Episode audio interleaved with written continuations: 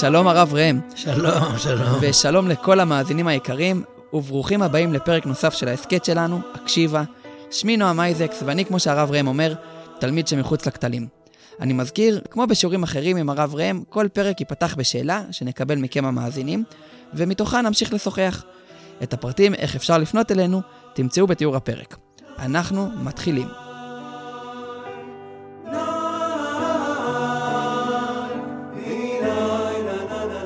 היום אנחנו מתחילים עם שאלה שקיבלנו מהמאזין עידו וולפגור. שלום, מדבר עידו. שאלה לרב ראם. הרב מדבר הרבה על כך שכל יהודי צריך לשמור תרי"ג מצוות, שהתורה היא מהשמיים ולא דת נימוסית וכולי וכולי. האם הרב יוכל להתחיל מההתחלה ובעצם אה, להסביר מדוע הוא מאמין שהתורה היא מן השמיים, ואיך אנחנו בעצם יכולים לדעת שהתורה היא החל מהקדוש ברוך הוא ולא מעשה ידי אדם? תודה רבה.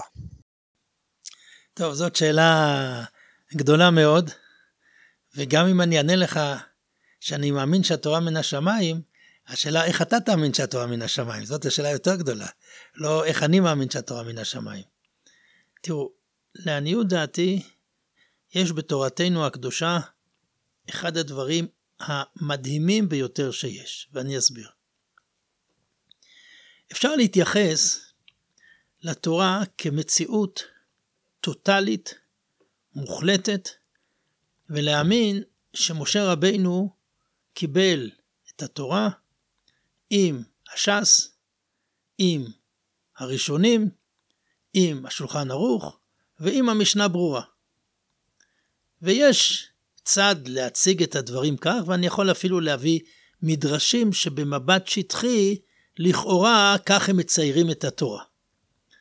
אבל כל אדם בעל חוש ביקורת יודע שמשה רבינו שירד מהר סיני, הוא לא העביר לא את השיעור של רב חיים מבריסק, וגם לא את השיעור של ראם הכהן. אין לי מגלומניה שבדיוק הוא ירד מהר סיני והעביר את השיעור שהעברתי הבוקר על מחלוקת הריף, הרמב"ם, רב סעדיה הגאון מול הבית יוסף. לא נראה לי שזה היה השיעור של משה רבינו, גם אם זה נשמע מאוד רומנטי שזה היה השיעור של זה. אבל החוקר, חוקר התפתחות, הוא יראה לנו את ההבדל בין התקופות השונות, בין סגנונות שונים, בין ספרים שונים, הוא יראה את כל הדברים. אבל כשאני לומד את התורה בעיון עמוק, מתבונן באותיות התורה, בפשט התורה, מתבונן היטב במדרשי חז"ל, וכפי שכתבתי בספר על בבא קמא, אני לא מסביר ישר איך המדרש הוא פשט, כי לעניות דעתי המדרש הוא לא פשט. ואני מעצים את ההבדל העצום בין הפשט לבין המדרש. ואני שואל, מדוע חכמים באמת דרשו את המדרש? ואני רואה בתוך כל המבנה הזה, מבנה קוהרנטי, עמוק, של, בלשון הקבלית, נעוץ ראשית באחרית ואחרית בראשית. אז אני חש שהתורה היא לא רק שהיה מעמד הר סיני פעם, אלא שמעמד הר סיני הוא ממשיך היום. אני רואה את בית המדרש כמעמד הר סיני. כי אני רואה את גילוי דבר השם מלמטה למעלה ומלמעלה למטה. אהוב עליי מאוד הסיפור שאלישע בן אבויה מספר איך הייתה נראית הברית שלו. הוא מספר שאביו, אבויה, הביא את כל גדולי ירושלים, והושיבן בבית אחד, בחדר אחד, ואת רבי אליעזר ורבי יהושע בבית אחד. מין דאכלון ושתון, מטפחין ומרקדין, אמר רבי אליעזר לרבי יהושע, עד דאינון עסקין בדידו, עד שהם עוסקים בשלם, נעסוק כנן בדידן. והיו עוסקים בדברי תורה מן התורה לנביאים ונביאים לכתובים. וירדה אש מן השמיים וליככה אותם. בא אבויה ואומר, מה באתם לשרוף את ביתי? אמרו לו חס ושלום, אלא היינו עוסקים בדברי תורה, מן התורה לנביאים ונביאים לכתובים. והיו הדברים שמחים כנתינתן מסיני, ועיקר נתינתן מסיני לא ניתנו אלא באש. שנאמר וההר בוער באש עד לב השמיים. כלומר, התיאור של שני גדולי התנאים לומדים הוא תיאור של מעמד הר סיני.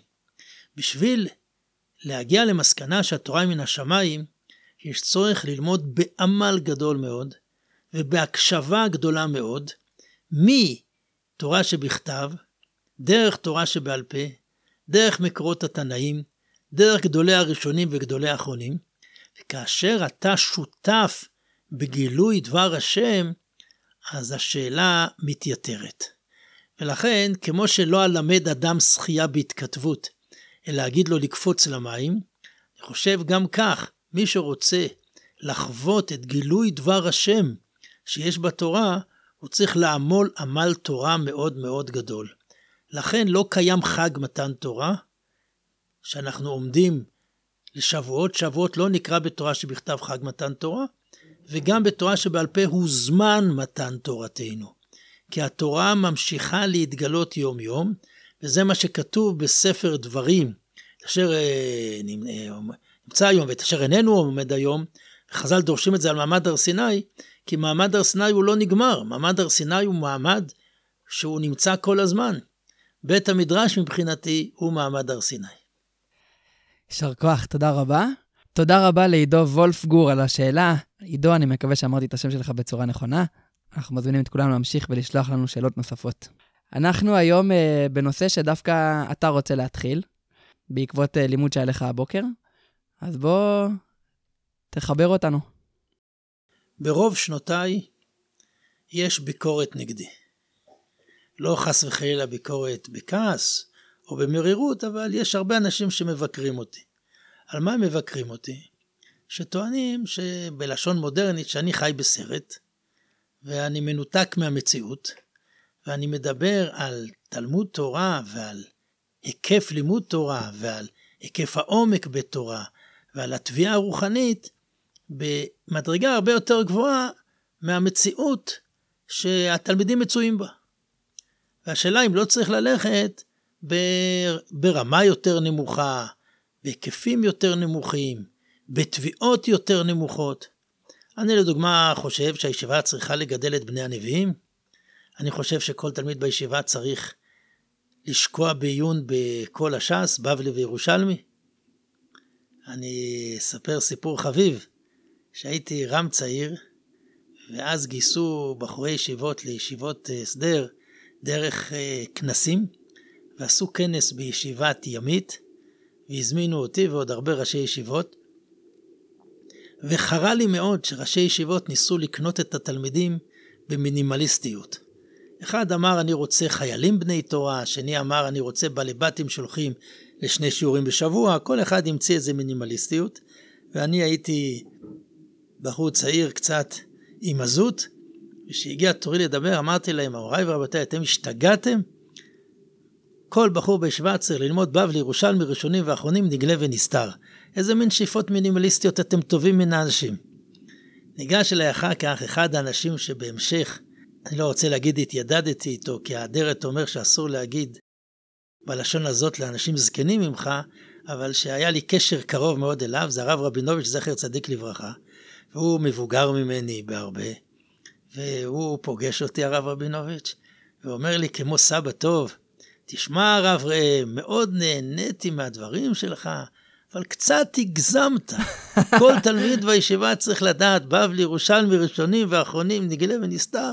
אני לא חושב ככה. וקיבלתי את התוכחה באהבה, והתאהבתי בזקן, אבל לא הסכמתי עם אף מילה שהוא אמר. למה לא? למה לא? כי אני באמת חושב שצריך לשאוף שאיפות גדולות, והייתי רוצה להסביר את הטענה שלי לגבי, זה לא רק השאיפות, לגבי איך לצייר את הדבר. רק רגע לפני, אני רוצה עד לשאול אותך, האם באמת המוקד כאן זה השאלה של אה, יצירת השאיפות? כי יש כאן חילוק שאפשר להצביע עליו, שאם אתה מדבר על השאיפה, אז אתה בעצם מבין שיש כאן איזשהו ניתוק מהמציאות, ולכן אתה אומר, אני רק רוצה לייצר שאיפה גבוהה, ואנשים ישאפו אליה, וזה ייצר מציאות שהיא קצת יותר גבוהה. לעומת זאת, אפשר גם להסתכל על זה ולהגיד שזה לא שאיפה, אלא ממש זו המטרה, והדרישה היא שהמציאות באמת תגיע למקום כזה, ושאנשים אה, יחיו את זה באמת, ולא רק אה, ישאפו לשם.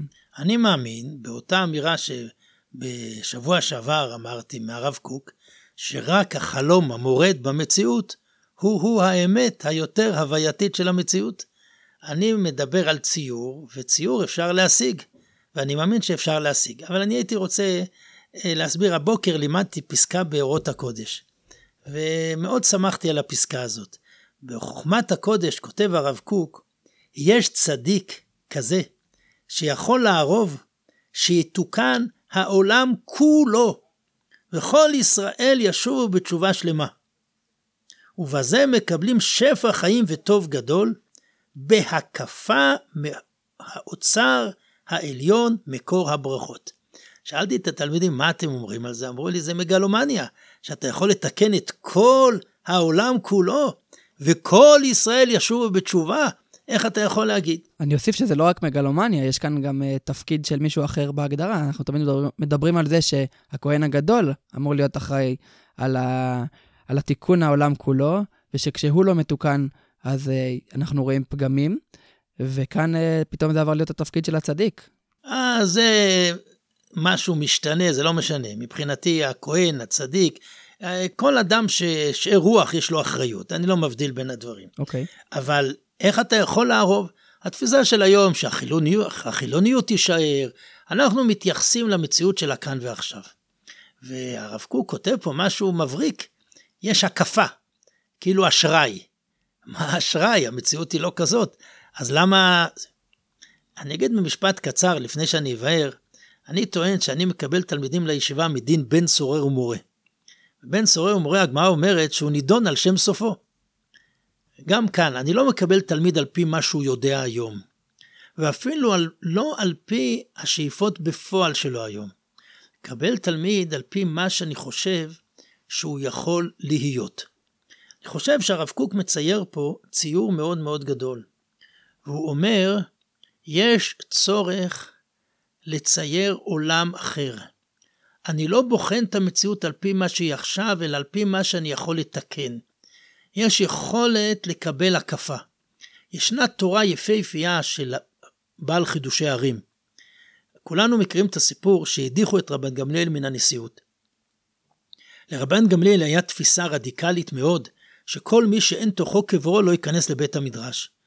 והוא שם ש"ג בבית המדרש, שומר, וכל מי שלא היה תוכו קברו, הוא לא הכניס אותו. אינני יודע בדיוק איך בודקים את זה, אבל ככה הוא עשה. כאשר הדיחו את רבן גמליאל, יחד איתו הדיחו את השומר, ומופיע בבבלי ובירושלמי שהתווספו ספסלים לבית המדרש, הרבה מאוד ספסלים. 700, 400. ואז נכנס רבן גמליאל לבית המדרש, והוא מצטער שמא חס ושלום הוא מנע תורה מישראל. שאל הרים, מה אתה רבן גמליאל מתחרט? הרי יש לך אג'נדה שכל מי שאין תוכו קברו לא ייכנס לבית המדרש. ענה הרים, תשובה עמוקה מאוד, שרבן גמליאל לא שינה את דעתו. גם אחר כך הוא חשב שמי שאין תוכו קברו לא ייכנס לבית המדרש. אלא נכנס רבן גמליאל לבית המדרש, ורואה את כל אלה שאין תוכם קבורם, שכאשר הם נכנסו לבית המדרש, בית המדרש הפך אותם שיהיו תוכם קבורם. ועל זה הוא הצטער שהוא מנע תורה מישראל. בלשון אחרת צריך להיזהר מעיסוק רק במפתחות החיצוניים, כי לפעמים הפתרון הוא במפתחות הפנימיים, בקפיצה לתוך התורה. אבל בחלומו נגלו לו כדים אה, מלאים, אה, כד, כדים ריקים, לא? כדים מלאים באפר. בחלום נגלו לו כדים מלאים באפר, והחלומות שווא ידברו. ואנחנו מדברים על חלומות בהקיץ של תיקון עולם. זה מחשבות יותר גדולות.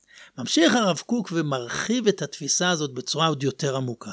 הוא כותב, צדיקים כאלה מוכרחים להימצא בעקבתא דמשיחא, שכל ההשפעות באות בדרך הקפה. בסוד טוב איש חונן ומלווה.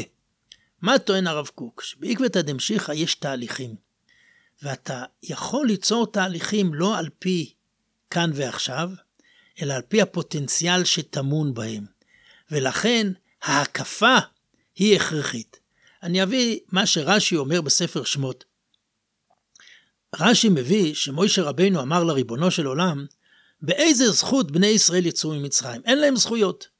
מה אומר להם הקדוש ברוך הוא? בהוציאך את העם ממצרים, תעבדון את האלוהים על ההר הזה. איזה מין תשובה זה? עכשיו אין להם זכויות. מה זה, אשראי? לעניות דעתי זו תשובה עמוקה מאוד. המציאות שלהם היא כך בגלל שאין להם תורה. ולכן האשראי הזה הוא הכרחי. חלק מהמציאויות הכושלות שאנחנו חיים בהן, כי אין לנו תורה שלמה. הצדיק האמיתי, המנהיג האמיתי, הוא מוביל את האנשים למציאות השלמה, למציאות המאוד מאוד יפה השלמה, הוא מצייר את המציאות בתיקונה. הרב ראם, אבל יקשו האנשים שיקשו עליך לאורך כל הדרך, ויגידו בצורה מאוד פשוטה, האם יש לך, אני אגיד את זה אחרת, כמה תלמידים יש לך שסיימו את כל הש"ס ומכירים אותו ישר והפוך, ואת כל הראשונים והאחרונים? כמה מהם באמת הגיעו לשם סופם? תראה, אתה דן על הצד הכמותי. בצד הכמותי, אולי, בוודאי שאין מספיק כמו שהייתי רוצה, אבל אני חושב שיש הרבה יותר ממה שחושבים, ואני חושב שבוודאי בעומק הלימודי יש הרבה תלמידים שמגיעים לעומק גדול. ואם אני לא אוביל אותם לעומק הלימודי, אז ישאלו אותי מי אמר שהתורה ניתנה מן השמיים. בשביל להבין, אנחנו צריכים להבין שאנחנו בדור של נשמות גדולות. אנחנו צריכים להבין שאנחנו צריכים לצייר ציורים עמוקים יותר. פעם הייתי בתפילה לרפואת חבר שלי, שלא עלינו נפטר, שהוא היה חולה מאוד, והרב דני כהן, הרב של בת עין, ארגן את התפילה, הנחה את התפילה. והוא אמר משהו יפהפה, הוא אמר, אני מבקש מכל אחד שיצייר בדמיונו את אותו בחור שהיה חולה, יצייר אותו בריא ופועל טוב בעולם, ויתפלל למציאות הזאת. אני חושב שאדם שמדמיין, כמו שאמרנו, עולם מתוקן, אז יהיה עולם מתוקן. אי אפשר לשקוע בחילוניות ולומר זאת המציאות. אולי צריך לשקוע בתהליך. אותו הרים שאמרתי, הוא אמר שאסור להגיד תעל חטא הרבה זמן, כי אז שוקעים בבוץ ואי אפשר לצאת ממנו. כל מי שיודע שנוסעים בג'יפ, בדיונות מתחפרים. ואם אתה מתחפר ואתה עוד יותר נותן גז, אתה עוד יותר מתחפר. אם אתה רוצה שלא להתחפר, מה אתה צריך? להחזיק את ההגה, להסתכל על האופק, והג'יפ יידרדר ולא תתחפר. צדיקים צריכים לראות את האופק. צדיקים צריכים ליצור אשראי גדול, לא לתאר את המציאות על פי מה שהיא בפועל, אלא להיות אדריכלים שמסרטטים מציאות מתוקנת. הרב, אבל מה יצא למי שכבר התחפר? אנשים מדברים מתוך המקום שבו הם נמצאים היום, שהם מבינים את ה... אני חושב שאנשים מבינים את הרצון לייצר שאיפה גבוהה, וש... אה, ושבעצם היא תוביל את הדרך ולאורה נלך. הבעיה מגיעה מזה שאנשים חיים בתוך מציאות מאוד מאוד אה, מורכבת, מבחינה הלכתית, מבחינה אישית, כל אחד והקשיים שלו. אני חושב שה... אני אומר במרכאות, הביקורת שנאמרה כלפיך מגיעה ממקום של כאב. שאנחנו לא מסוגלים להסתכל קדימה למקומות שאתה מציג עכשיו. אנחנו לא... זה לא פשוט לנו פשוט להסתכל ולהמשיך לנסוע. תראה, קודם כל, אכן, אם מישהו יתחפר, אז יש שיטות איך להוציא את הג'יפ מהמחפור. ואני בתור שריונר מכיר את השיטות, ולפעמים אין ברירה, וצריך לשים שקל ולשים כבל ולהביא D9 ולהוציא את ה... זה מהמחפורת. כן. אבל השאלה מה עושים אחר כך. השאלה אם כל העיסוק עכשיו זה להוציא ולשקוע במחפורת, או שאחר כך מסתכלים על האופק ולומדים. יש לנו מקבילה אבל מציאותית לשקל? זה משתנה לאיזה בוץ נכנסת. יש כל מיני דרכים להוציא, אבל אני חושב שההתרכזות רק בזה היא טעות. ההתרכזות בזה היא טעות. אנחנו צריכים לדעת שאחד היסודות הגדולים, שיש התפתחות בעולם, יש אבולוציה בעולם. לכן הרב קוק כל כך שמח על תורת דרווין, כי קידמה את העולם להכיר את מושג בהתפתחות. ההתפתחות. ובגלל שיש התפתחות, הרי בינינו אנחנו רואים שיכול להיות ילד שעושה מלא בעיות בבית הספר, ופתאום הוא עובר מוסד, והוא נהיה הילד הכי טוב בעולם, כי היה שם טעויות מוחלטות בחינוך. פתאום אנחנו רואים שזה, יש השגות שהחוכמה שלנו לא, לא לשקוע בביצות, החוכמה שלנו לצייר מציאות מתוקנת, לא לשקוע לא בביצות הפוליטיות, לא בביצות הרוחניות, ולהיות עולם אופטימי. זה עומק סוד תורת הגאולה. אבל אני חושב שחלק מהקושי, גם בתורתו של דרווין, צריך לדייק אותה. הוא דיבר על כך שהמתאים שורד, לא כל אחד שורד. ויש הרבה מאוד מינים שלא התאימו ולא שרדו, ובהקשר הזה יש הרבה מאוד תלמידים, או הרבה מאוד אה, אנשי משפחה שלא התאימו ולא שרדו. א', אתה צודק, ולכן צריך הרבה מצילים בעולם. שיעמדו על החסקה ויצילו את הטובים, נכון? ויש לנו אחריות גדולה שאף אחד לא יתבע ולא יידח ממנו נידח. אבל מי שיעסוק רק להציל טובעים ולא ילמד שחייה, הוא יהיה בבעיה. נכון. ואני לא חושב שאפשר להתעסק רק בהצלה.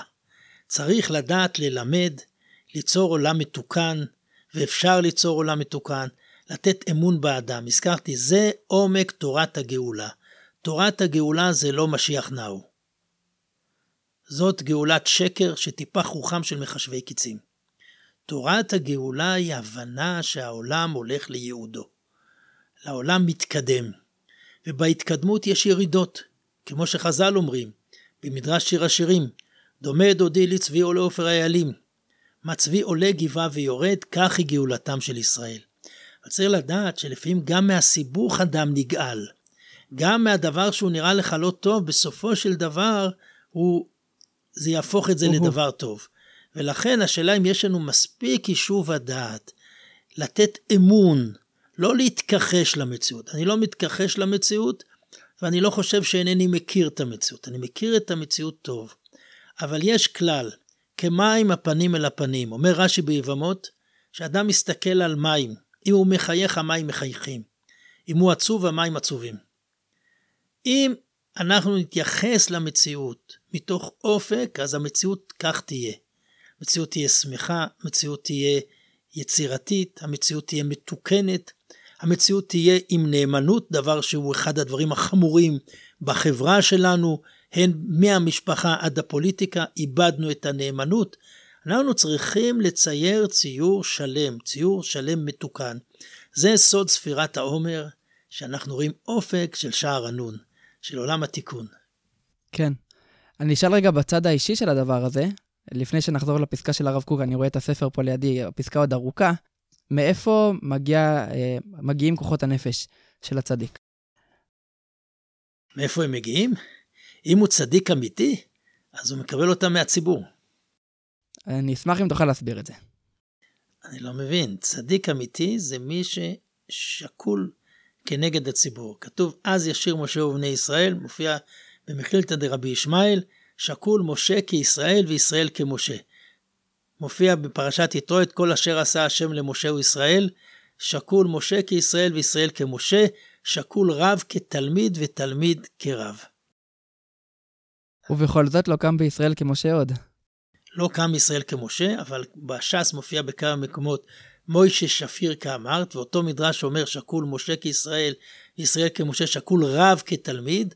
רב אמיתי הוא רב שיונק את כוחו מן הציבור. יש סיפור יפה שאומרים, שאלו חסידים, איך רבי יכול לעשות מויפת? ענו החסידים, כתוב במשנה בתרומות, יש לי ערימה, והיא תבל. לוקחים מאית, וזה נהיה תרומה, נהיה קודש. איך זה נהיה קודש?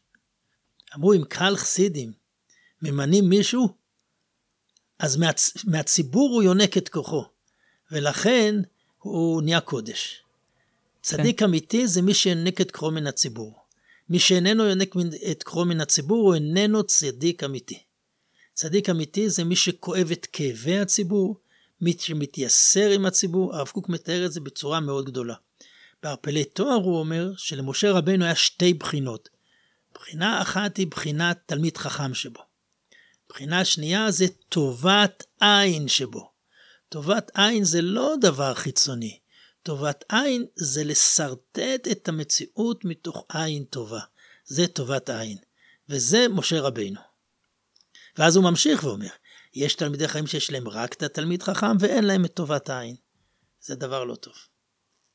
אתה רוצה אולי להמשיך את uh, הפסקה של הרב קוק? אני לא אמשיך את כולה, רק אני אקרא עוד כמה שורות כי זה רלוונטי לעולם שלנו, אז uh, אני אחזור על המשפט הקודם. צדיקים כאלה מוכרחים להימצא בעקבתא דמשיחא, שכל ההשפעות באות בדרך הקפה, בסוד טוב איש חונן ומלווה. כלומר, אצלנו אנחנו לא יכולים לפעול על פי ההווה. עקבתא דמשיחא, אנחנו צריכים לפעול בתנועה, בעקב. אורח צדיקים זה מקדים את הטובה לבוא לעולם, הוא מכשיר את הדעות לקבל הופעות חדשות, שאינן ראויות להן כלל. ומכל מקום לא תצא מזה שום תקלה, כי אם תועלת ותיקון. מפני שהדעות העליונות הללו יש בכוחן להכשיר את הדור בהופעתן, שיוכל לקבל את האור הגדול שבהן ולהשתמש בו כראוי. זה עומק העניין שנאמר לבעל שם טוב, מתי קאת אמר שיפוצו מעיינותיך החוצה. אנחנו צריכים להפיץ אור של תורה גדולה. תורה קטנה לא תגאל את העולם. בהקשר הזה, שמעתי פעם, אני לא זוכר מי אמר את זה, פירוש למושג עולם הבא. הוא אומר, בארמית אומרים עלמא דעתי. זה עולם שבא, אנחנו צריכים להביא אותו. נכון. זה לא רק אה, זה עולם הבא, נכון, נכון, זה, זו טעות. אנחנו צריכים להימצא בתהליך, וזה עומק העניין של התפקיד של הצדיק, תפקיד של ההנהגה, בדור של הגאולה, בדור של עקבתא דמשיחא, שאנחנו צריכים לפעול על פי העתיד, על פי הפוטנציאל, ולשרטט וליצור ישיבות עם תורות גדולות, ולא לשקוע רק במ"ט שערי טומאה. בהוציאך את העם ממצרים, תעבדון את האלוהים על ההר הזה, זו סיבה לגאולה, זו סיבה לתורה גדולה.